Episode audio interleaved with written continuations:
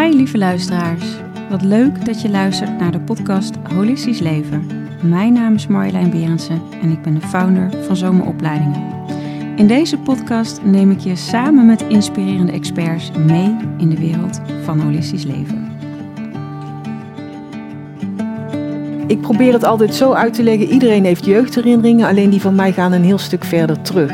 Ik kan me gewoon nog ja, heel goed uh, het mijn vorige leven herinneren, het sterven in dat leven. Hoi, leuk dat je weer kijkt of luistert naar een nieuwe podcast van Holistisch Leven. En vandaag geef ik te gast Marie-Claire van der Brugge, ook wel bekend van onder andere haar boeken Zielsgelukkig, Spookje van de Dood, Licht en Liefde en Terugkeer naar Huis, Spirituele Sterfsbegeleiding. Nou, ze doet ongelooflijk veel en we gaan daar lekker over praten, want ik kijk er enorm naar uit. Het boek staat ook bij ons op de boekenlijst, heb ik je ook verteld, Spookje van de Dood. Superleuk, ja. Welkom. Dankjewel en dankjewel voor je uitnodiging. Ja, Fijn om hier te zijn. Ja, ontzettend fijn dat je er bent. Um, Marie-Claire, ik begin altijd uh, met de eerste vraag. Wat is holistisch leven voor jou? En die wil ik graag ook aan jou stellen. Oké. Okay, um, holistisch leven is voor mij het besef dat je meer bent dan alleen je lichaam. Dus dat je een ziel bent in je lichaam of met je lichaam, of hoe je het ook wilt noemen. Um, maar dat je lichaam eigenlijk een soort van ruimtepak is waarin je ziel hier op aarde ja, zijn ding kan doen. En um, als je dat kunt, een beetje beseft, dan, ja, dan, dan, is, dan is je leven ook gewoon een stuk makkelijker. Dus dan kan je het soms een beetje van een afstandje bekijken. Dus dat is eigenlijk een beetje ja, mijn uh, kijk op holistisch leven. Mooi. Dus lichaam en ziel. Ja, ja. ja en daar dus uh, ja, vanuit eigenlijk een hoger perspectief uitzoomen naar kijken, zodat je ja, ziet dat je meer bent dan alleen. En, en het is ook zo, um, als ziel, je bent als ziel heel groot. Je energie is heel groot en dat past ook niet helemaal in je lichaam. Dus um, een deel van jou is ook Um, ja, ik noem dat thuis, thuis gebleven, zullen we maar zeggen. En daar, daar, maar daar ben je wel gewoon nog in verbinding mee. Ja. Dus je bent gewoon zoveel meer als alleen ook dat stukje ziel wat hier uh, in je lichaam zit. Hmm, zeg je mooi, thuisgebleven, ja. ja. Nou, daar hebben we het uh, inderdaad, gaan we het zeker over hebben. Want ja, wij allebei hebben momenten gehad in ons leven dat we ons vreemd voelden op aarde. Dat we uh, ja, ook wel een bepaalde vorm van heimwee hebben gehad.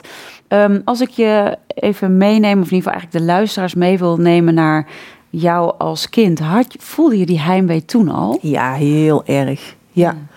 Ja, ik, vroeger als kind um, was ik me al bewust van een wereld die anderen blijkbaar niet konden zien. En waarin ik me heel erg thuis voelde. Hier op aarde had ik, ja, echt, ik voelde me gewoon niet fijn hier op aarde, als kind al. En had vaak, ja, ik noem het nu heimwee. Toen wist ik niet zo goed wat het was, maar heimwee naar, uh, ja, naar huis. Ja. Dat, dat gevoel. En um, ja, je altijd anders voelen dan anderen. En ja, dat, uh, ja. Dus dat is, heeft, is altijd ook wel een rode draad in, in mijn jeugd vooral ook geweest, maar ook in heel mijn leven eigenlijk hoor. Tot nu. Nu is dat wel een stukje weg, maar uh, dat is altijd toch wel een beetje lastig geweest. Ja, want wat, uh, wat vertel je? Ik zat als kind ook wel vaak voor het raam en dan keek ik naar de sterren. En dan dacht ik, ja, maar daar is toch ergens mijn thuis? Hoe, mm. hoe had jij dat als kind? Ja, wat ik al zei, ik, ik zag en voelde van alles. Dus ja, ik, had, ik had gewoon um, ja, gidsen, engelen, overledenen. Ja. Die waren gewoon voor mij zichtbaar en bij mij. En dat, dat was mijn veilige wereld. Ja. En um, dus ja, ik vond het ook altijd heel fijn om alleen te zijn. Gewoon lekker op mijn kamertje en met mijn vriendjes, ja. om het zo maar even te zeggen. Ja. En ja, die energie was gewoon waar ik me fijn bij voelde. En dus energie van de aarde is gewoon veel grover en, en ja, zwaar. zwaarder. En ja, dat, dat is gewoon als je, um, als je dat je niet zo herinnert, dan is het prima. Dan heb je daar ook helemaal geen last van. Maar als je dat contrast heel goed voelt, ja, dan, dan dat maakt het gewoon heel moeilijk maakt het pittig. Ja. Want wat ben je gaan studeren? Even voor ons, want ja, je, je bent natuurlijk niet helemaal ja, al die tijd alleen maar hiermee bezig geweest, denk ik. Nee, nee, nee. Ik, ik heb uh, al vrij vroeg uh, mijn, uh, ja, nu helaas ex-man leren kennen. Mhm. ik was 14 toen ik hem leerde kennen. En toen ik 18 was, ben ik met hem gaan samenwonen. En toen ben ik gaan, toen heb ik dus mijn HAVO-diploma gehaald. Toen ben ik een opleiding gaan volgen voor receptioniste. Dus iets heel anders. Ja. Dus ik heb echt bij verschillende bedrijven als receptioniste gewerkt. Um, heel bewust vroeg aan kinderen begonnen. Ik wilde zo graag kinderen. Ik wilde echt op liefst op mijn 18 al kinderen, maar dat was een beetje te. Dat was iets te vroeg. dat was iets te vroeg. Dus nu was ik 24. Dus dat is ja, ook nog eigenlijk best wel jong natuurlijk. En toen ben ik ook gestopt met werk, omdat ik gewoon heel graag thuis wilde zijn. Uh, ja, voor, voor de kinderen. En uh, dat kon financieel gelukkig ook heel goed. Dus ik heb helemaal gestort op het moederschap. En uh, echt van alles met ze gedaan. Baby zwemmen, baby gym. Nou ja, ik, ja. op school altijd geholpen. En toen ze op een gegeven moment uh, werden ze natuurlijk wat groter. Dus toen ehm, ben, ben ik eigenlijk me iets meer gaan verdiepen in de spiritualiteit. Van nou ja, wat, wat kan ik daarmee? Mm en in 2002 is mijn eh, vader overleden. En daar heb ik ook een heel proces meegemaakt. En ik ben ook echt bij zijn sterven geweest. En dat heeft mij toen, um, dus bij mij toen een, een vlammetje aangemaakt van wat is dat mooi, dat stervensproces. Daar wil ik meer mee. Ja, zo 21 jaar geleden. Ja, ik, ik, ik kan het gewoon niet voorstellen. Het is al zo lang geleden, inderdaad. En toen ben ik dus gaan zoeken van, is, is er iets? En toen stuitte ik op de opleiding uh, voor ja. stervensbegeleiding bij het NIS in Utrecht. En zij combineerde de Oosterse filosofie met de Westerse filosofie. En dan het Oosterse, vooral het boeddhisme. Ja. En dat sprak mij heel erg aan. En het was een tweejarige opleiding, dus die heb ik gedaan. En uh, in, intussen ook in een hospice gaan werken. En uh, ik heb ook een tijdje in een kinderhospice gewerkt. En vanuit die opleiding, zeg maar, ben ik het ook gewoon ja, vanuit ja, particulier zeg maar, gaan doen.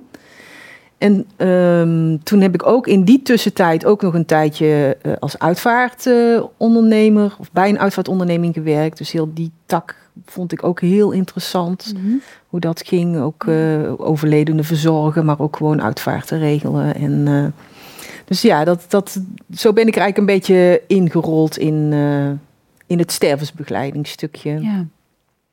Ja, want hoe, uh, hoe want ik bedoel, het stervensbegeleidingsstukje aan zich uh, kan je ook nog vrij rationeel zien. Maar jij hebt natuurlijk daar een hele spirituele dimensie aan, aan toegevoegd, ja. wil ik eigenlijk zeggen. Wat zo verrijkend is voor mensen. Ja. Wil je daar wat over vertellen? Ja, dat komt natuurlijk, om, of natuurlijk, dat komt omdat ik me nog zoveel eh, herinner. Ja, ja ik, ik probeer het altijd zo uit te leggen. Iedereen heeft jeugdherinneringen, alleen die van mij gaan een heel stuk verder terug. Ja. Ik kan me gewoon nog ja, heel goed uh, uh, het, mijn vorige leven herinneren, het sterven in dat leven, de terugkeer naar huis. Komt hij weer, zoals ik dat doe. Hè? Verblijf daar en daarna de keuze voor dit leven, het geboren worden. Nou, dat is voor mij allemaal gewoon nog net zo helder zo vers, ja. iedereen jeugdherinnering heeft. En het is ook niet een geloof, het is gewoon ja, mijn, mijn ja, herinneringen, mijn weten. Het is ook niet de, de waarheid, het is mijn waarheid, maar ja, ik kan dat ook niet uitzetten. Dus dat kon ik dus ook niet met het stervensbegeleiding en ook niet, ik zie en ik voel van alles. Dus dat, dat, daar liep ik in het begin ook best wel even tegen aan natuurlijk. Want je kunt dat niet zomaar tegen iedereen zeggen. Kijk, nu is dat heel anders. De stervensbegeleidingen die ik nu geef, zijn bijna altijd mensen die vanuit mijn boeken naar mij komen. En dan weten ze wie ze in huis halen. Ja. Dus dat geeft mij ook heel veel vrijheid. Maar in het begin was dat best wel lastig. Maar ik probeerde dat wel steeds een beetje te doen. En ik merkte gewoon dat ja, dat, dat zoveel. Um, ja, meer, meer hielp of, of diepgang kon geven. Niet alleen maar het lichamelijke stukje, wat natuurlijk ook heel belangrijk is. Hè? Ja. Maar gewoon, ja, die combinatie is gewoon heel, heel fijn om te doen. En ja, dat, dat vind ik heel, eh, heel bijzonder. Ja, want hoe gaat het in zijn werk? Kun je daar iets over vertellen? Uh, ja, dat is natuurlijk bij iedereen, uh, bij elke uh, begeleiding anders. Maar ehm, ik ga sowieso altijd natuurlijk eerst op gesprek. En dan kijken wat, ja, wat mensen van mij uh, verwachten of, of willen. Soms is één gesprek al genoeg. Dat iemand heel erg zit met angst hè, voor de dood. En, en dat, dat ik dan een stukje vertel over hoe ik het zie en voel. En soms is dat genoeg. Maar meestal niet. meestal wil ze toch wel dat ik nog wat vaker kom. En dan ja, kijk ik wat nodig is. Soms, soms is, is het fijn om, om met, met iemand een geleide meditatie te doen. Ik heb een hele mooie geleide meditatie waarin je ook je eigen sterfbed kunt Hmm. Ehm, ervaren nu, zeg maar. Hè? Natuurlijk niet echt letterlijk, maar hoe dat dan een beetje kan voelen. Ehm, of, ik, of we gaan samen uit mijn boek lezen. Of nou ja, ja, ja heel verschillend. Ja. En, en ook, ik ben er ook niet alleen voor degene die gaat sterven. Hè. Het is ook vaak voor de omgeving heel fijn om ook een beetje besef te krijgen van, oh, uh, hè, vader of moeder is daar straks niet helemaal weg. Nee. Nee, want je hebt ook bepaalde rituelen. Ja, ook dat. Soms doe ik ook wel eens uh, ritueel bij het sterfbed. Ja. En dan, um, dat is ja, een soort van mini-uitvaartdienst of afscheidsdienst met degene er nog bij. Ja, dat zijn, dat zijn zulke mooie. Ja, maar dat kan ik me ook voorstellen.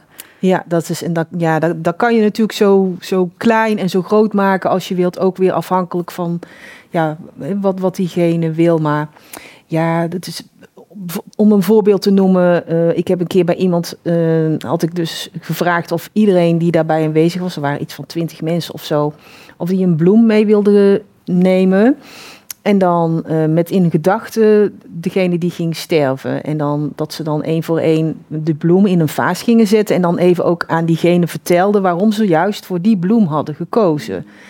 Dus dat en en het, het mooie was dat het bijna allemaal verschillende bloemen waren. Kijk, ja. Dus niet iedereen kwam met een, een roos aanzetten. Maar en, en ook, ja, dat vond ik zo mooi. Roerend, ja. ja. En, en die vaas heeft gewoon heel tijd ook daarbij bij diegene gestaan. Zelfs ook bij de uitvaart nog uh, ja, naast de kist gestaan. Dus ja, dat zijn. Het is eigenlijk iets heel kleins. Maar, maar wel heel, ja, wel heel mooi om, om te doen. En Um, ik zal nog één ander voorbeeld geven wat, wat ik ook zo mooi vond. Er was een vrij gelovig uh, gezin. En uh, zij hadden nog hun trouwkaars en de doopkaarsen van de kinderen. Hmm. Dus die, die had ik gevraagd van nou willen jullie dan die erbij zetten? En uh, toen heeft, um, moet ik even denken hoor, haar man heeft de, hun trouwkaars aangemaakt. En hun, ze hadden twee kinderen, hebben ieder met hun doopkaars weer aan die trouwkaars, zeg maar, die doop. En ja, dan ja, dat was zo mooi symbolisch iets. je blijft ja, altijd in verbinding. Ja. waar je ook bent, waar je ook heen gaat. En zo zijn er zoveel dingen die je kunt doen. Maar ja, dat is wel heel bijzonder. Heel bijzonder. Ja. Want ik kan me voorstellen, hè, je hebt eh, in die zin ook mm, wat je, waar je ook over schrijft, hè, dat je een mooie proces met je vader hebt meegemaakt. Dat is eigenlijk de inspiratie geweest om hier, nou ja, ook echt jouw zielsmissie uh, te leven. Daar is het mee begonnen. Daar is het echt mee begonnen. Dat was het zaadje. Wat was daar wat je, wat je op terugkijkt van, oh, dat, dat, heb ik, dat neem ik altijd mee in alles wat ik doe? Of had ik dat maar anders gedaan? Waar, hoe kijk je daar nu naar? Um, ja, voor mij was dat gewoon zoiets bijzonders wat daar gebeurde. Um, ja, mijn, mijn vader en ik hadden eigenlijk niet zo'n goede band. Eigenlijk helemaal geen band. Mijn ouders zijn gescheiden toen ik vier was. En ik, ik nooit echt zo'n contact met hem gehad. Uh, maar op het moment dat ik hoorde dat hij niet lang meer te leven had, kwam er een soort van oergevoel in mij naar boven of zo. Zo van, ja, nou wil ik er voor hem zijn. Hmm. Dus ik ben ook echt niet van zijn bed geweken. Dus echt dag en nacht gewaakt. Het heeft een paar dagen geduurd. En ja, we hebben gewoon samen een heel leven doorleefd zonder te praten. Want hij kon eigenlijk al bijna niet meer praten. Maar gewoon door bij elkaar te zijn. Dus dat vond ik al heel bijzonder. Dat, dat probeer ik ook altijd aan mensen mee te geven. Van, jongens, het is nooit te laat om goed afscheid van elkaar te nemen. Dat kan zelfs nog gewoon in je laatste uur. Hè? En dat hoeft niet eens met woorden. Nee. Dus dat vond ik heel bijzonder. En um, ja, ik heb hem gewoon letterlijk uit zijn lichaam zien gaan. Hmm. En dat, dat blijft mij natuurlijk altijd bij. Ik heb hem gewoon echt letterlijk uit, mijn, uit zijn lichaam zien gaan. En dat beschrijf ik ook in, in, in een van mijn boeken. En dan, ja, hij kijkt zelfs nog een keer om en hij zwaait. Nou, dat, dat is, ja, dat, dat was zoiets magisch. Dus ja, dat is, was echt een cadeautje. En vertel je dit, hè, zoals nu heb je dit meegemaakt met jouw vader, maar ook met sterfsbegeleiding, wat je en natuurlijk nu vanuit jouw zielsmissie leeft, dat op het moment ben je er ook wel regelmatig dan bij wanneer iemand overgaat, noem het maar. Ja. Terug naar huis of. Dus, soms, maar ik, dat, dat, dat is soms wel lastig, want heel veel mensen willen dat heel graag natuurlijk. En dat vragen ze dan, oh je bent er toch wel bij, hè, weet je. En dan zeg ik altijd, ja, als ik als het kan, dan ben ik erbij. Maar ik, ik ben er ook van overtuigd dat, dat we ook daarin afspraken met elkaar hebben op zielsniveau. Dus ik zeg ook altijd, als het de bedoeling is, ben ik erbij. Ja.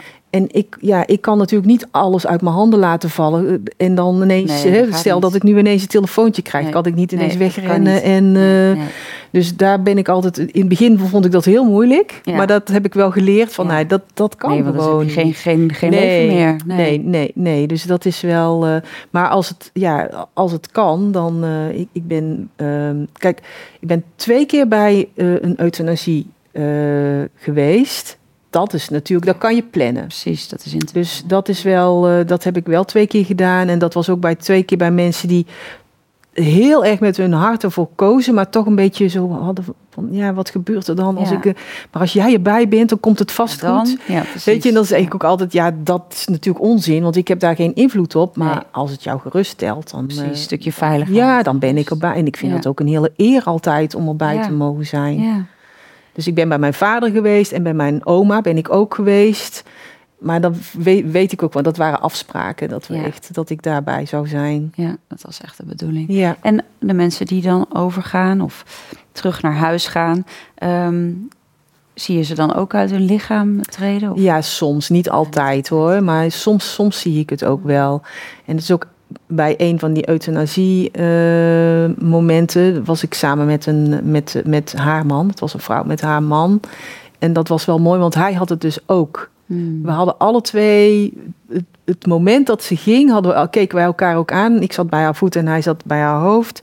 En de arts die was erbij en die zei, nee, wij zeiden, oh, ze is weg. En toen zei die arts van, nee, want ze, de hart klopt nog. En wij zeiden al twee van, Het is echt weg. Is al weg. Ja, ja, we zagen alle twee dat ze eruit Ja, ja, dat was ook wel heel bijzonder. En merk je ook dat uh, nou ja, zielen die dus overgaan ook nog vaker bij jou terugkomen om nog te bedanken of afscheid te nemen? Of ja, maar dat is dan wel vaak in de familiesfeer. Ja, ja, ik heb eigenlijk nog nooit gehad dat er iemand die ik heb begeleid uh, nee. dat, uh, dat deed. Nee. Nee. Nee, maar wel inderdaad mijn vader en mijn oma en mijn nichtje. Ja. Want misschien is het mooi ook, oh, je schrijft ongelooflijk mooi in Sprookje van de Dood. Natuurlijk ook de andere boeken, maar dat is toch wel echt een, ja, ja. Heel, heel, bijzonder. Kun je misschien mensen in een klein mini-reisjes meenemen? Want nu als mensen te horen denken ze, oh, hoe zit het nou? Sowieso boek le lezen natuurlijk. ja, lees het heb gedaan. um, maar kun je daar iets over vertellen, over die reis? Uh, van de ziel eigenlijk. Van... Ja, ja, ik, ja, ik kan het dus alleen maar vertellen zoals ik het ja, me herinner. Jou, hè? Ja, ja, precies, vanuit jouw herinnering. Ja. Uh, nou, op een gegeven moment uh, ja, verlaat je gewoon je lichaam als ziel. En dan zie je je lichaam ook liggen. Um, je hebt daar dan ook eigenlijk heel snel al niet meer een, een binding mee. Dus het is, ja, je zit dan meteen in een, in een, in een bepaalde energie. Uh, vaak zijn er ook uh, overleden dierbaren die je al ook helpen om, om de overgang te maken. Of gidsen of engelen. Hè. Dus ja, ik, als je daarin gelooft, hè, want dat, dat zeg ik ook altijd je, je, je ziet en je voelt waar je in gelooft. Het, op het eerste moment. Kijk, daarna dan, dan is dat anders. Dus als jij uh, bijvoorbeeld uh, uh, in Boeddha gelooft, dan zie, zul je niet Jezus aan je bed zien nee, staan. Nee. Maar even een gek voorbeeld te geven. Ja. Hè? Dus het is echt wel. Um, maar daarom vind ik het ook zo belangrijk om, om mensen zich bewust van te maken van dat er meer is na de dood, zodat ze ook daarvoor openstaan als ze overgaan. Dus ja. dat maakt het overgaan Precies, makkelijker. makkelijker. Ja.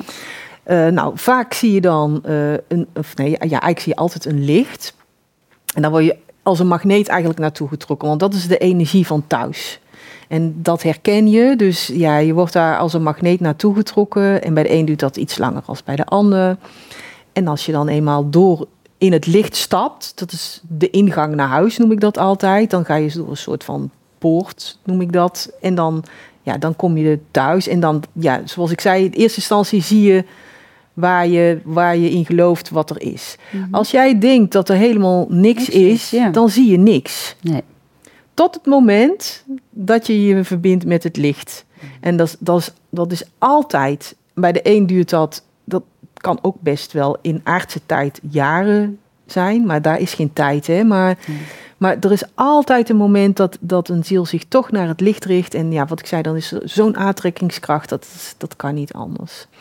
Nou, dan is er eh, een, een welkomstfeestcomité uh, van iedereen die al eh, thuis is. kijk, hier hebben we een afscheidsdienst en daar hebben we een welkom thuisfeestje. Mm En dus dat is een, een fijn weerzien.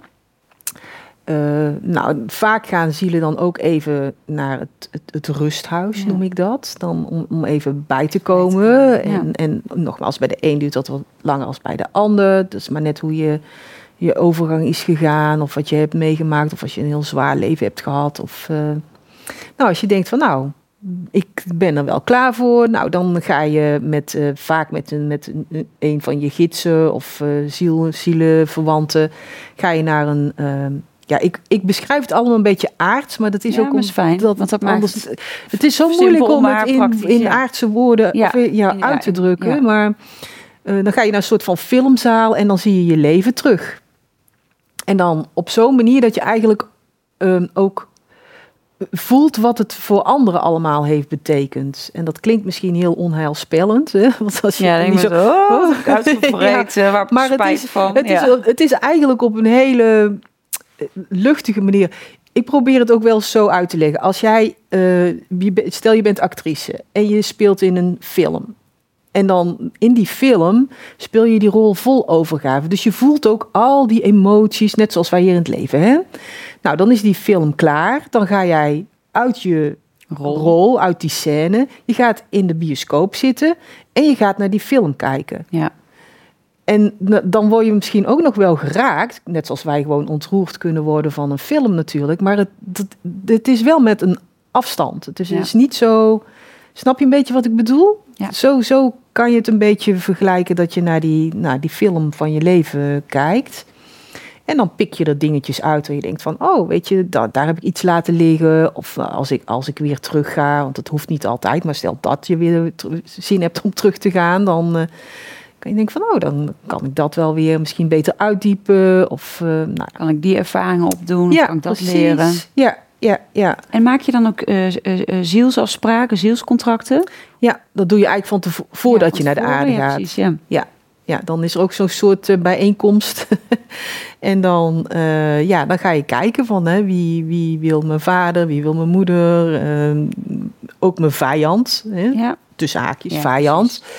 Uh, en dat is vaak de moeilijkste rol, omdat voor zielen is dat heel lastig. Ja, je, dat wil je eigenlijk niet, iemands vijand spelen. Maar. Um, er zit eigenlijk heel veel liefde achter. Hè? Ja, eigenlijk, ja, eigenlijk kan je bijna zeggen, maar dat vind ik altijd een beetje lastig om te zeggen natuurlijk, hè, op aardse niveau, is dat de ziel die het meest van jou houdt, om, om die rol op zich, en dat beschrijf ik ook in, in het sprookje van de dood, hoe dat dan gaat. Ehm, dus ja, ook, ook dat gebeurt dan, hè, al die dingetjes. Maar het is allemaal wel globaal. Dus het is echt niet zo van dat je heel je leven helemaal precies hebt uitgestippeld voordat je naar de aarde gaat. Een paar pinpoints. Precies, ja. Vanuit jouw zielsplan. Ja, en je, kunt ook altijd tijdens je leven nog van alles veranderen. Of, ja, of vanuit die vrije wil. Tuurlijk, ja. Eh, ja. ja. Hey, en, um, want geloof je dan ook in een soort van, van zielenfamilie? Dat je weet van, oh ja, die herkennen elkaar, die, die komen eigenlijk elk moment weer ja bij elkaar bij levens terug. Ja, daar geloof ik echt heel erg Want als je dan weer helemaal teruggaat, want er is natuurlijk ergens ooit een eerste leven geweest. Ja. Hoe zie je dat voor je? Ja, dat, dat vind ik heel lastig. Dat, dat weet ik eigenlijk ook niet precies hoe dus daar zijn gaat. die herinneringen. Ja, zover gaan ze niet terug. Dus er zijn ook natuurlijk heel veel dingen die ik niet weet. Ja, nee, ik vind het mooi omdat... Ja, dat snap ik. Want ik, ik weet ook dat er een aantal sferen zijn en dan... Uh, na de zevende sfeer, dan ga je op in, in, in het al, in, in dat kan ik ook niet uitleggen, want dat weet ik, dat, ja, daar ben ik ook niet uh, geweest, dus dat, dat weet ik ook niet. al die sferen die er uh, inderdaad uh, Ja, die er nog zijn, komen. En, en het concept tweelingziel, wat vind je daarvan? Wat is daar je gevoel bij? Dan hoor je, er wordt natuurlijk heel veel over geschreven. Twin Flames, de Soul, weet ik veel wat. Ja, ik denk daar toch iets anders over als de meeste mensen. En maar dat is fijn. Dat vind ik juist mooi om dat te bespreken. Ja, maar ik, en ja, ik, ik, soms vind ik het, merk ik dat ik het lastig vind om me uit te spreken van wat ik ja, maar daarvoor zitten we hier. Klopt. Maar dat is, ja. dat is een soort van.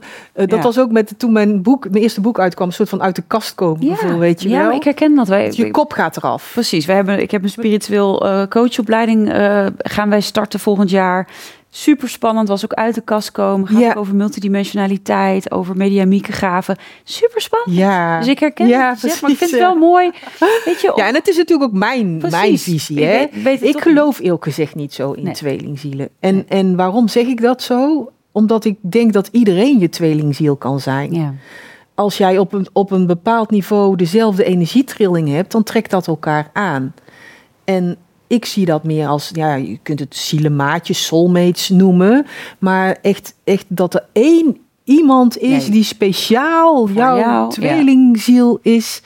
Ja, ik, daar geloof ik niet zo in. Nee. Nee, nee, maar dat is dus juist heel fijn om dus ook gewoon dat te bespreken. Want ja. daar gaat natuurlijk heel veel over. Ja, en volgens mij ook in een van mijn boeken heb ik dat, beschrijf ik dat ook, dat stukje. Ik weet even niet Ik denk in de terugkeer naar huis. Je moet zelfs soms ook even nadenken. Of in de terugkeer naar huis staat daar een heel stuk over in. Over tweelingzielen ook. Ja. Zoals ik het zie dan. Ja. Ja. ja, en dat het misschien ook wel gewoon een verlangen is naar het al ene. Ja, ja precies. Ja. En op zielsniveau zijn we eigenlijk allemaal gelijk, hè? Ja. Dus, ja, is er niet één uh, nee. splitsing van. Nee, maar dat is ook een heel, iets heel menselijks, hè? Dat willen. heel verlangen. Ja, ja, zeker. Ik zou dat ook wel willen. Ja, god, ja, jeetje. Ja. Even een kleine break tijdens de podcast Holistisch Leven. Nieuw namelijk bij Zomeropleiding is de opleiding tot spiritueel coach, waarbij je jouw unieke, intuïtieve en mediamieke gaven in kan zetten om mensen te begeleiden naar meer bewustwording. Wil je ook bijdragen aan een nieuwe wereld en wil je aan de slag met heling, multidimensionaliteit en spirituele groei? Kijk dan op www.zoma-opleidingen.nl onze locaties en startdata. En we gaan nu gauw weer terug naar de podcast. Um, we gaan een kaartje trekken. Je mag okay. een kaartje trekken. Eens even een klein intermezzo, want ik heb namelijk heel veel luisteraarsvragen voor je. Um, ja, nou gaan we eens deze kijken. Eens deze erbij. Even kijken. Welk compliment had je iemand kunnen geven, maar heb je niet gedaan? Oeh, dat is een lastige. Moet ik even denken hoor. Ja, er, zal vast, er zullen vast mensen zijn die ik wel een compliment had kunnen geven. Maar... Ja, dan denk ik toch wel aan mijn vader, eerlijk gezegd. Hmm. Zeker nu met terug, terug hoe ik er nu op terugkijk. Hè?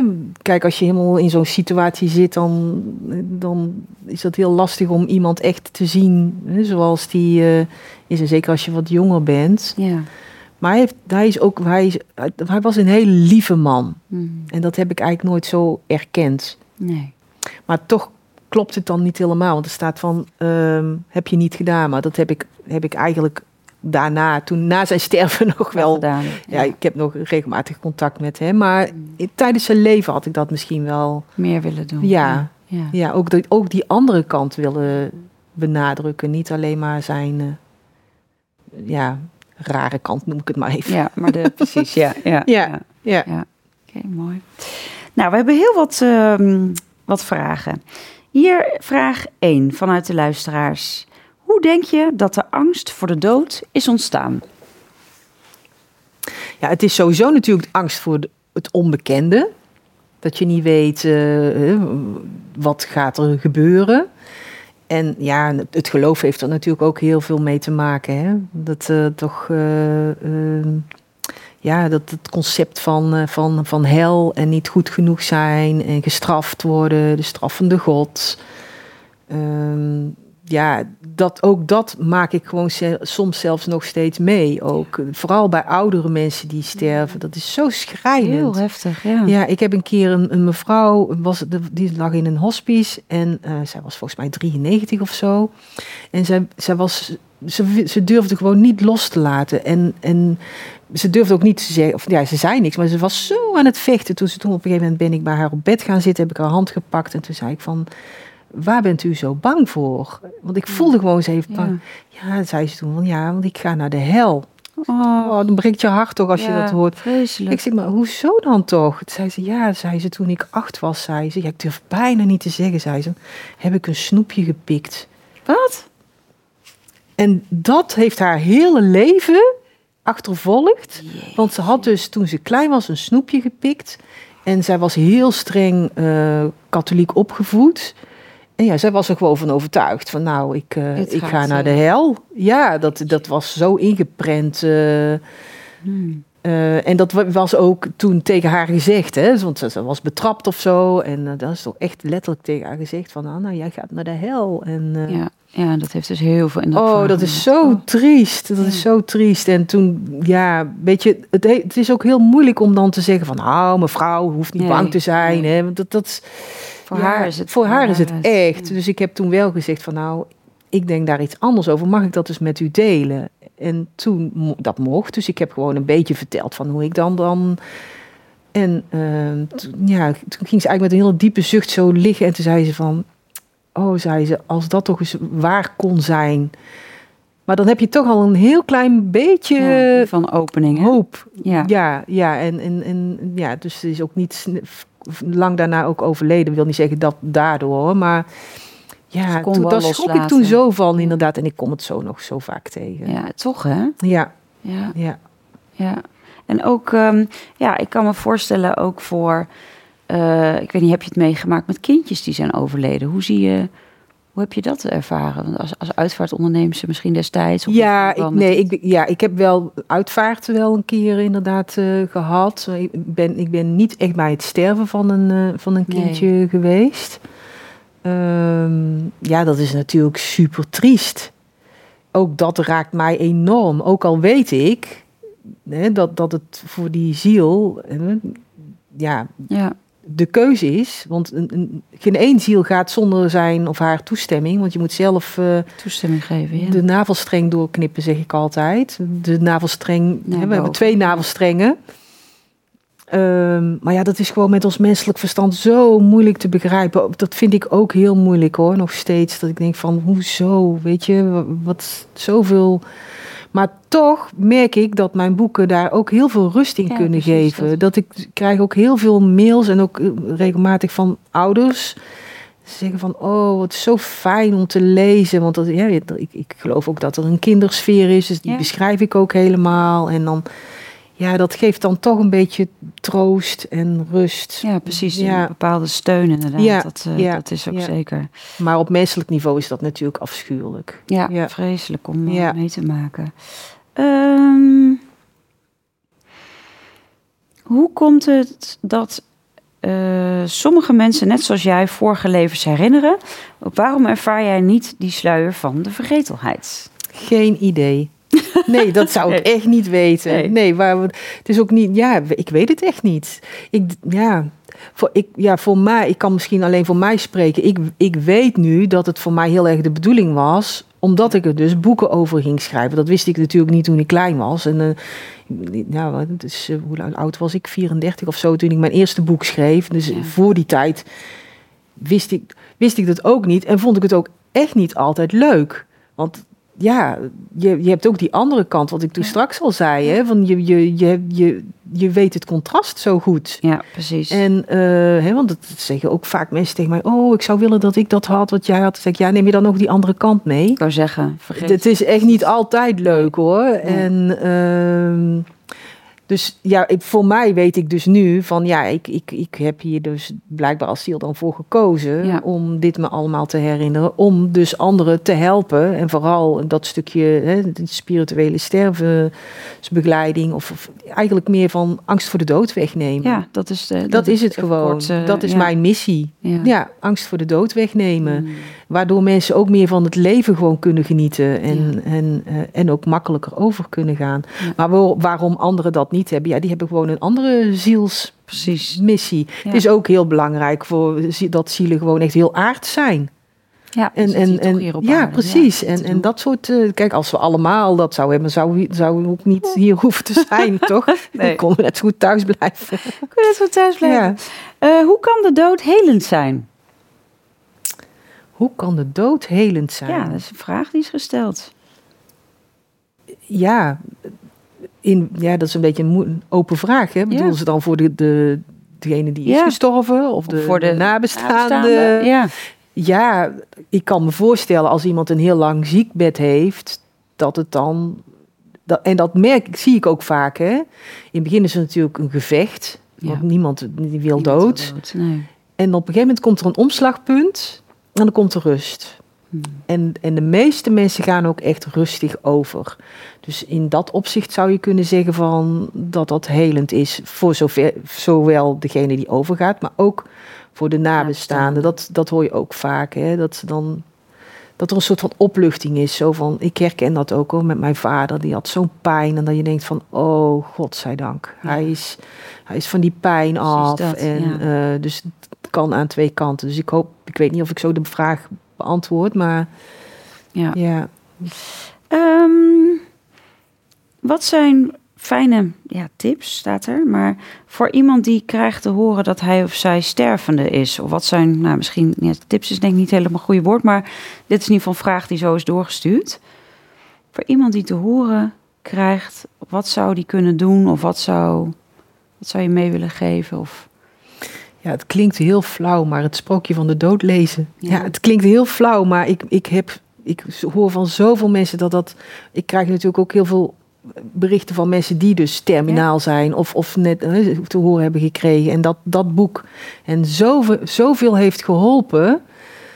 Um, dus ja, dat. dat en ja, en als je daar niet, als je niet van, eh, van lezen houdt, er is ook een luisterversie van. Uh, en je hebt natuurlijk uh, binnenkort komt je, je hebt verschillende shows ook dat het in het theater komt, hè? Ja, ja, ja er is een, een muzikale familievoorstelling. Ja, ik moet het even, goed zeggen. ja. Ik zat ook even te denken. Ja, er was eens een zieltje. En die titel is eigenlijk van...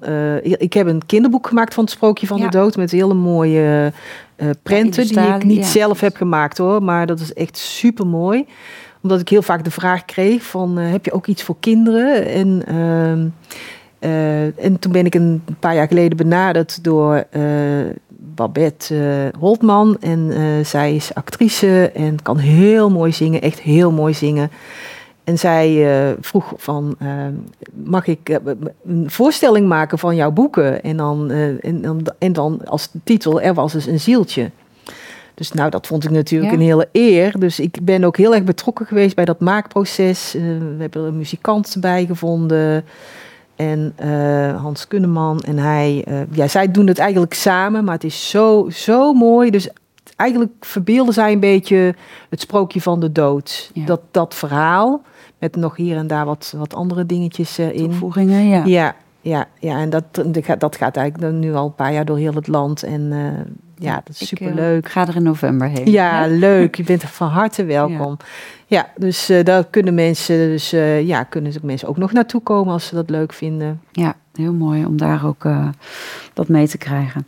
Um, even kijken. Ik heb twee gidsen op dit moment, maar hoe weet je welke gids je hoofdgids is? Is dat de eerste gids waar je contact mee hebt? Dat hoeft niet zo per se te zijn. Um, soms dan weet je niet eens wie je hoofdgids is. Dan heb je heel veel verschillende gidsen waar je wel contact mee hebt en je hoofdgids eigenlijk niet echt. Um, dus ja, dat is een beetje. Ik vind dat altijd een beetje lastig, omdat het ook een beetje aards gedacht is. Hè? Want ja, wat maakt het uit eigenlijk? Wie, wie je hoofdgids is of wie je. Uh, uh, ja, ook een overleden dierbare kan je gids worden. Op, op, op den duur, als die is overleden. Um, dus ja, ik, dat kan ik niet zo zeggen. Want bij, zeker niet bij, bij diegene waar het over gaat. Maar het enige wat ik kan zeggen is: wat voel je? Ja. En dat is het als, als je voelt van, oh, die is het dan, dan, is dat eigenlijk ook zo. Dat is ook vaak met namen. Hè? niet iedereen krijgt zomaar zijn naam van zijn gids uh, door. Ja, ik weet hem toevallig, omdat ik dat altijd al ja, van vroeger af uh, wist. Maar dan, ik heb daar ook een hele mooie geleide meditatie over, uh, die op mijn website is terug te horen. En dan zeg ik ook van de eerste naam die in je opkomt, dat is de naam van je gids. En ga daar niet aan zitten twijfelen. Want soms denken mensen van, oh, wat een rare naam, dat kan niet. Of, uh, waarom of uh, zo. Uh, ja, en, en niet, en niet, nee, en niet, wou ik net zeggen, niet elke gids heeft een hele nee, bijzondere, bijzondere naam. Het kan ook Piet of Kees ja, of zo precies, zijn. Hè? Denk, nou, maar dan denk ik, oh nee, dat kan niet. Nee, Piet weer, kan het niet zijn, weet je. Weer Jan Jans of zo. Nee, dat moet altijd iets heel speciaals zijn. zijn. Ja. ja. want dat zul je natuurlijk ook wel tegenkomen. Hier en daar wat ego zo. Ja, deze, zeker. ja. Alle Zeker. verhalen die daar omheen. Heel veel, ja. Waar ook natuurlijk dus ook angst over ja. heen gaat zitten. Ja, ja klopt. Ja. ja. Even uit het verhaal, want we hebben nog een oefening. Oh ja. Vertel, wat gaan we doen? We gaan een geleide uh, meditatie doen. Hè? Ja, een geleide meditatie uh, waarin, je, um, uh, waarin ik je meeneem om te ervaren hoe het, dat je als ziel in je lichaam en om je lichaam heen zit. Dus dat je meer bent dan alleen je lichaam. Mooi. Dus, uh, Mensen thuis mogen lekker mee. Ja, zeker. Hartstikke Als je in de auto zit, zet hem alsjeblieft aan de kant. Zeker. En uh, nou, ik denk ja. even een slokje water en dan gaan we lekker de ogen sluiten. Oké. Okay.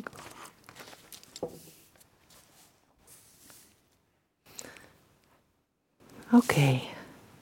Nou, ga lekker ergens rustig zitten of liggen. En sluit je ogen. Adem een paar keer diep in en uit. En op elke uitademing ontspan je jezelf meer en meer. Dieper en dieper. Op een inademing stroomt er nieuwe energie je lichaam in. En op een uitademing ontspan je je en laat je alles los wat je los wilt laten.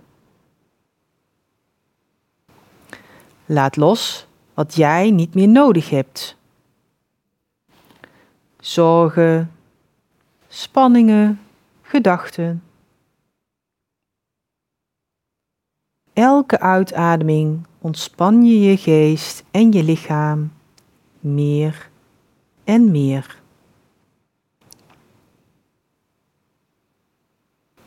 Probeer je nu eens voor te stellen dat je als ziel in je lichaam zit. Waar in je lichaam voel je dat het sterkst? En concentreer je hier dan op. Het maakt niets uit waar dat is. Bij iedereen kan dat anders zijn.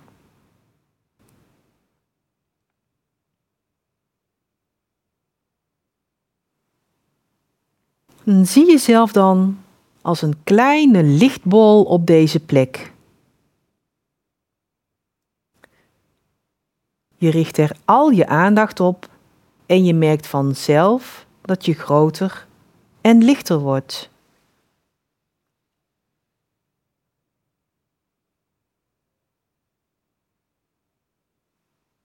Nu ga jij je als ziel helemaal oprichten en heerlijk uitrekken, net alsof je uit een diepe slaap komt.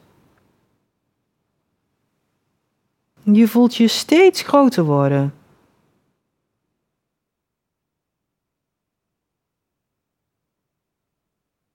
Je vult je lichaam nu helemaal op met jouw zielsenergie.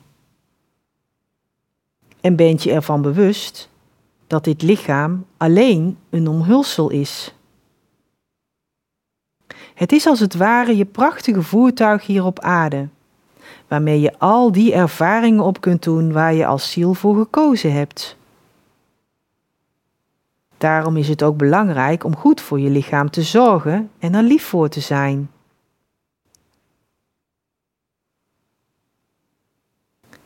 Laat de energie nu nog maar wat verder uitstromen. En je zult merken dat het zelfs voorbij je lichaam gaat.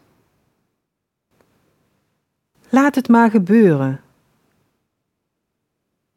Laat het maar zo ver uitstralen als voor jou prettig is.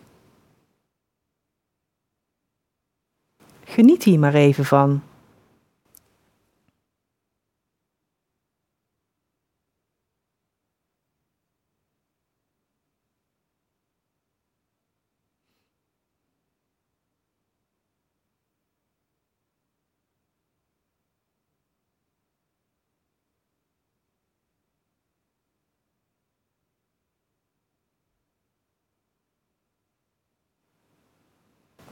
Breng nu de energie weer langzaam terug in je lichaam.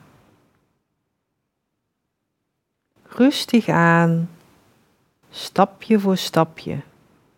Neem de tijd. Breng het zo ver terug als voor jou prettig is.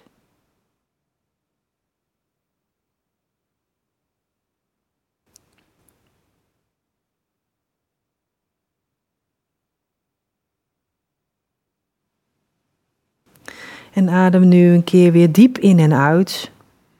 En beweeg je een beetje.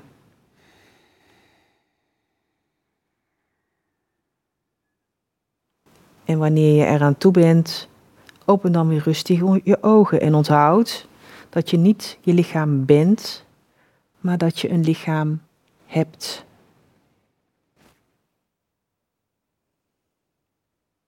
Mooi, dankjewel. Je het kunnen voelen? Ja, heel sterk. Ja, vooral ook weet je, dat die ziel zo, ja. zo wijd is en zo ruim is, dat het eigenlijk ook niet in dat lichaam zo past. Nee, hè? Nee, nee. Dus dat is, ja, ik, ik zeg altijd, probeer dat zo vaak mogelijk te doen, want dan word je je ook echt van bewust. Ja. Dat je, want vaak zitten we een beetje zo opge propt, noem ik ja, maar even. Ja, Dus ook dat, hè, die zin van hè, dat je je oprekt en uitrekt helemaal. En dat voel je gewoon helemaal. Die heel die energie zo, wow. Ja, wow, klopt, helemaal licht zo, stralend zo. Ja. En dat kan je even, inderdaad zelfs ook gewoon lichamelijk meedoen dan. Hè, tijdens, ja. want uh, deze meditatie en nog twee andere meditaties staan op mijn website kunnen mensen gewoon uh, luisteren. Ja. Ik zelf ook ingesproken. Dus als je dit denkt van, oh, dit vind ik fijn, kan je het vaker doen. Ja, heerlijk. Ja. ja, maar sowieso vind ik het heerlijk om dan daar ook echt even bewust van te zijn. En ja. Ook, nou ja, je lichaam ook weer te eren voor de tempel die je zeker. in het leven hebt. Ja. En alles wat het daar ja, daar, dat zeker. doet. Ja. ja. Ja, want dat, is, dat, is, dat merk ik vaak in, in een beetje de spirituele wereld. Dat het lichaam een beetje onder, ondergeschikt ja, is. Ja, ja ondergeschikt uh, gemaakt wordt. Zo van, nou, dat is dan niet zo belangrijk. Maar terwijl het is natuurlijk hartstikke belangrijk. Ja. ja. Het is ons voertuig hier op aarde waar we het mee moeten doen. Ja, ja. ja. Ja heel mooi. Um, wat staat er voor dit jaar voor jou nog op programma? Wat zijn dingen waar je mee bezig bent? Deel ons wat je uh, nou, dit jaar eigenlijk niet zo heel erg veel meer, eerlijk gezegd. Ja, we, zijn echt druk bezig inderdaad om de voorstelling uh, nog verder bekend te, te maken. Ja, en, is in uh, september, 16 september is in Centrum de Roos. In de Roos in Amsterdam, Amsterdam. inderdaad. En ehm, november heb je dan? November in Arnhem. En dan ergens ook nog een staan, er staan, het staat al onder de website. Ja. En eigenlijk komen er steeds nieuwe locaties ook bij. Dus uh, mocht je daar interesse in hebben, kan je ook voor de nieuwsbrief inschrijven. En dan word je ook uh, op de hoogte gehouden van uh, of misschien bij jou in de buurt een keer ja. is. Uh, ja, ik heb uh, eigenlijk het afgelopen jaar al, dus het eerste half jaar al hard gewerkt. Dus een nieuwe e-cursus heb ik ontwikkeld. Naast mijn andere twee e-cursussen, de e-cursus Ziels Gelukkig Leven. En ik heb de afgelopen maand ben ik druk bezig geweest met uh, heel wat lessen uit mijn e-cursussen los te koppelen ook. En ook als losse les aan te bieden. Hmm. Omdat ja, niet iedereen heeft zin en, en tijd om een hele e-cursus te doen. Dus um, ja, er zijn gewoon losse... Ik heb er losse modules van gemaakt. Hè. Bijvoorbeeld ja. contact met je gids, leven in het hier en nu. Ja bewust omgaan met je gedachten. Nou, eh, om maar even een voorbeeldje te noemen. En dat zijn gewoon losse modules die mensen dan uh, ja, op mijn website uh, kunnen, kunnen vinden en dan ja, kunnen doen. Dus ik ben al heel druk bezig geweest. En ik heb eigenlijk voor het komende half jaar niet echt nog niet plannen. Maar ja, dat kan zomaar veranderen bij mij. Dat weet je nooit. Nee, want hoe ziet jouw dagelijks leven zo een beetje eruit? Ik vind het wel mooi om eens te weten ook hoe jouw... Ja, uh, ik... Uh, ik, ik, ik ben met mijn boeken druk bezig, omdat ik ze ook bijna allemaal in eigen beheer uitgeef. En uh, dus ja, dat, dat moet je natuurlijk allemaal zelf dan uh, regelen. Ik krijg heel veel e-mails die ik ook helaas niet ineens al, allemaal kan beantwoorden. Want ja, dat is, zoveel. veel, ja. ja. en dan in, inderdaad zo regelmatig een stervensbegeleiding. Uh, ja, en, en gewoon mijn eigen dingetjes natuurlijk. Hè. Dus, wat vind je? Ja. Heb je nu weer een partner? Of? Nee, nog niet. Nee. Dus mocht er iemand... Het... ja. nou, hier, bij deze, ja. laat het even achter. en jouw kinderen, hoe staan zij hierin? Ja, die zijn daar echt mee opgegroeid. Die zijn, uh, ja, die weten niet beter natuurlijk. Uh, die zijn inmiddels, uh, moet ik het goed zeggen, 27 en 30. Dus mijn kinderen zijn, ja. omdat ik al jong moeder was. Ja, natuurlijk. Ja. ja uh, hebben ook alle twee een, een vriendin, wonen al twee samen. Dus dat is wel heel erg leuk. Maar ik weet nog toen ik het Sprookje van de Dood uh, had geschreven, dat was dus in 2006, toen zaten ze alle twee op de, uh, ja, op de lagere school nog. En uh, zij, zij hadden alle twee zoiets van, oh, oh dan gaan we een boek bespreken, onze boekbespreking van. En ik dacht, oh nee, oh, nee. weet je, doe niet. Ja, maar mijn eigen angst, hè. Uit de kast komen. Precies, ja. mijn kop gaat eraf, weet je. En, en ik wilde dat hun erg besparen. Van, oh nee. nee. Maar zij hadden zoiets van, ja, dan gaan we gewoon doen, weet je. Ja, zij, zij wisten niet beter. Zij waren ook al, uh, wat was het, uh, vier en zes toen ze door mij ingewijd werden met Reiki. Ja. Dus dat is gewoon... En, uh, maar toen dacht ik, ja, ik moet dat ook loslaten, want dat is mijn eigen angst die ik nu projecteer. En het werd zo goed ontvangen. En dat echt oh. ook uh, van de juffen kreeg van, oh, mogen wij zo'n boekje in de klas? En uh, ja. ja. dus dat is, ook, ja, dat is dan toch wel heel leuk. Maar zo grappig dat je dan je eigen angst dan denkt van, oh nee. Je dat allemaal meeneemt, hè? Ja, ja, ja, ja. ja. Ja, prachtig. Ja. En heb je voor jezelf, misschien een beetje een, een persoonlijke vraag, voor jezelf je, ja, je eigen dood, iets in gedachten of iets wat je belangrijk zou vinden? Of weten mensen om jou heen wat je daar uh, belangrijk in zou vinden? Nou, ik heb wel het een en ander opgeschreven daarin. Uh, er zijn wel een, een, aantal dingen inderdaad die, die mijn, uh, mijn kinderen wel weten natuurlijk. Eh, en verder heb ik het ook nog niet zo strak gepland. Want ja, dat, ik weet, ik, dat, dat mag hopelijk nog lang duren. Ja, precies. en ik heb wel inderdaad wat muziek. En ik, ik wil uh, heel graag, uh, ik zeg al, ik wil heel graag een boom worden. Hmm. Dat is iets, iets van de laatste tijd. Hè. Dan kan je je as kan je in, een, uh, in een potje laten doen met een zaadje erin van een boom naar jouw keuze. -hmm. En dat potje kan je dan gewoon ergens planten. En dan groeit, groeit daar een boom uit, zeg maar. Dat, dat vind ik gewoon een heel mooie gedachte. En waar dat potje dan moet komen te staan, dat maakt mij echt helemaal niks uit. Dat laat ik ook echt over aan, uh, aan diegenen die dan nog achter uh, blijven. ja, ja wat, wat zij fijn vinden. Dus dat hoeft echt niet bij hun in de achtertuin of zo. Nee. nee. Ze dat niet uh, willen. Maar dat, ja, dat zijn wel een paar dingetjes die ik wel al heb ja, uitgesproken. Er zijn best wel veel mensen die daar nog helemaal niet mee bezig nee, zijn. Nee, zeker niet. Dat is de reden dat ik het vraag. Klopt. Misschien dat ja. mensen denken, oh, best wel een ongepaste vraag. Maar nee, nee, nee. Maar, dat is ook... Ik, ja. ja. dat schrijf ik ook of dat in mijn uh, e-cursussen. En ik heb ook heel lang workshops gegeven, maar dat doe ik niet meer. Maar dat, dat, dat besprak ik dat ook altijd. Van zorg ervoor, al zijn er maar een paar dingen. Al, het, al is het maar, dat is het belangrijkste, wil je begraven of gecremeerd worden. Precies, dat is Want de... vaak weten mensen dat niet eens van hun partner of, nee. of zo. Hè? Dus ja, dat is wel goed. Je hoeft echt niet heel je uitvaart helemaal uh, uitgeschreven te hebben. Maar een aantal dingetjes, dat kan gewoon heel erg helpen. Omdat ik dus inderdaad ook in die uitvaartwereld heb gewerkt merk je gewoon dat dat heel lastig is als mensen ja. helemaal niks weten. Ja, en ook voor de nabestaanden. Ja, joh, dat precies. komt zo'n last. Ja, want als je het goed doet en je ja, daar, graag toch... Ja, dat is ook zo. En ik, maar wat ik er dan toch ook altijd bij zeg is... Um, ben daar ook wel een beetje flexibel in. Want ja. het, het, eigenlijk is het voor de nabestaanden het belangrijkste. Het, hè? Ja.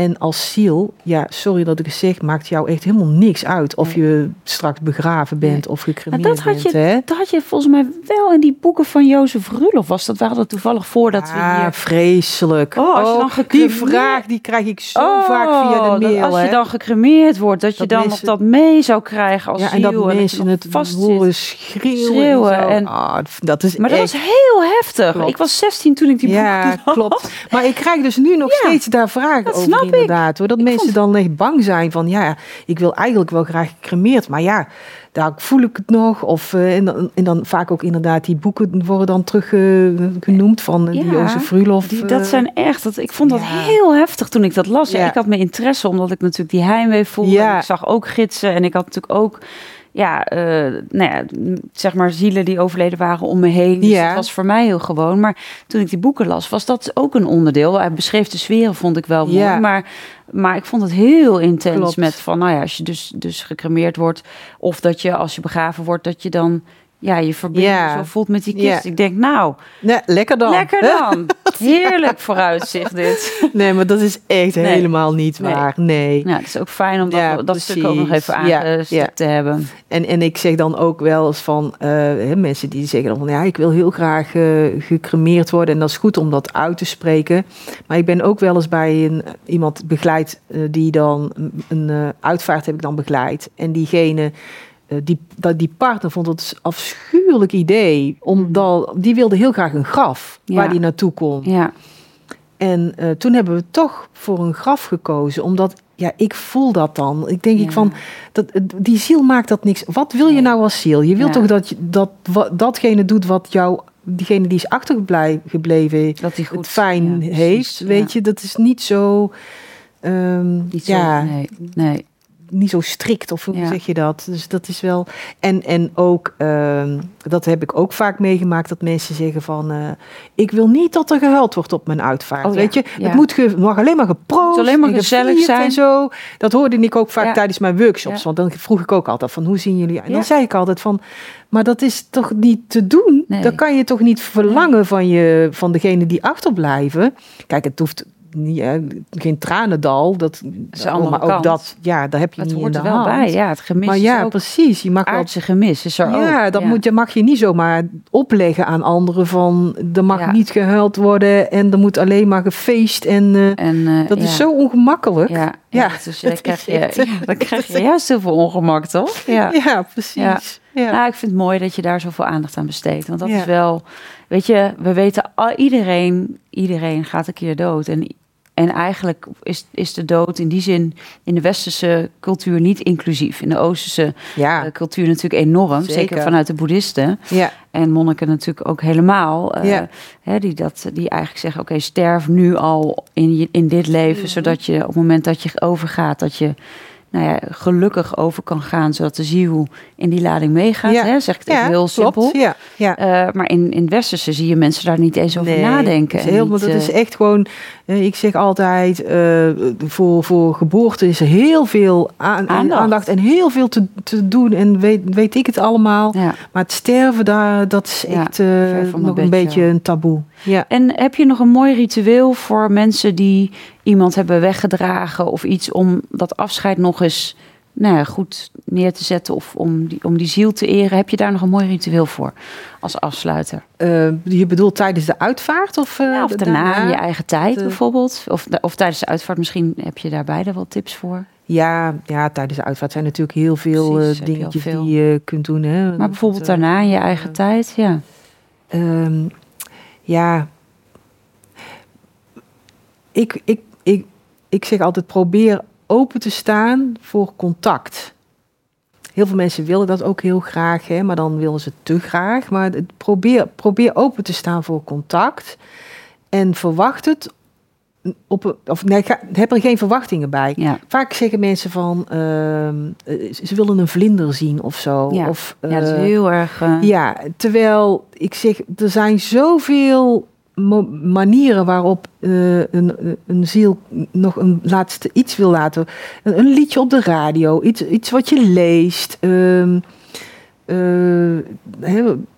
het kan natuurlijk ook een vlinder zijn of een vogel. Of, uh, en wat ik ook, wat ik, schiet me nu ineens te binnen, wat ik ook vaak zeg voor het sterven, als ze dan met de familie een beetje bij elkaar zijn, zo, spreek een teken af.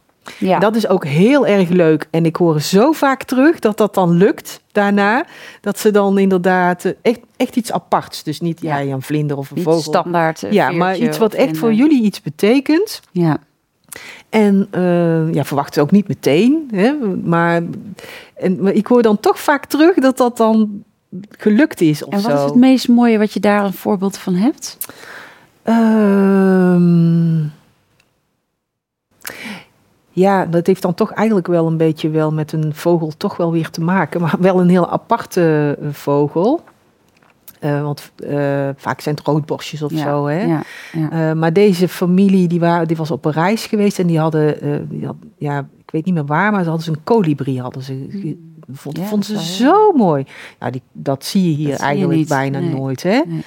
En toen kreeg ik inderdaad een mail van die, van die mevrouw die dan nog de nabestaande.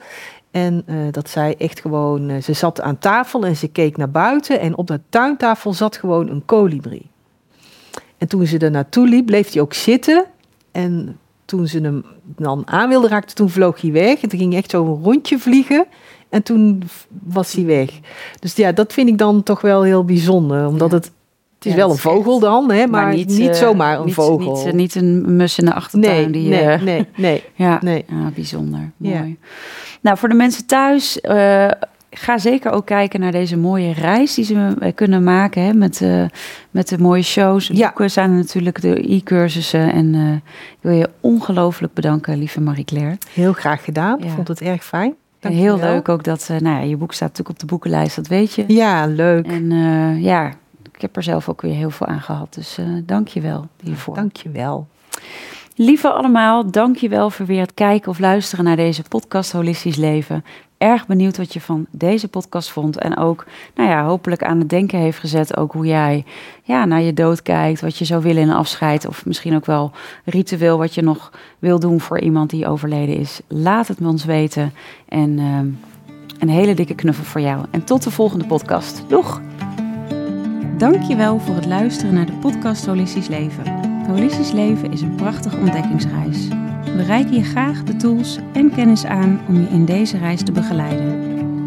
Ben jij door deze podcast geïnspireerd om de volgende stap richting een holistisch leven te zetten? Kijk dan op onze website www.zoma-opleidingen.nl voor meer informatie over de cursussen en opleidingen die we aanbieden. Je kunt je daar ook inschrijven voor onze nieuwsbrief. En vind je deze podcast leuk? Volg ons dan via je favoriete podcast-app of abonneer je op ons YouTube-kanaal. Zo verspreiden wij samen meer licht, liefde en bewustwording. En maken we de wereld een stukje mooier. Tot volgende week!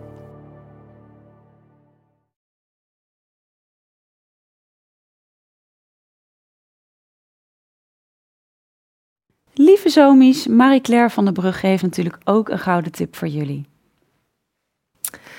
Ja, lieve zomies. Uh, het lijkt mij leuk als je uh, als opdracht eens even mee wilt nemen dat je uh, je eigen uitvaartspeech gaat schrijven. Dus je eigen afscheidsdienstverhaal. Dus hè, ga, ga gewoon even ehm, voelen van wat, wat zou ik graag willen dat er gezegd wordt tijdens mijn uitvaart. En uh, ga dat voor jezelf eens even helemaal opschrijven. En um, misschien is het zelfs ook fijn om het daarna ook voor, op te lezen voor jezelf. En misschien zelfs ook hè, met, met, uh, met je gezin of zo. Maar dat gaat misschien iets te ver. Maar voel maar gewoon hoe ver je daarin kunt gaan. Maar het is al heel belangrijk om het voor jezelf te doen, want het gaat je heel veel inzichten geven.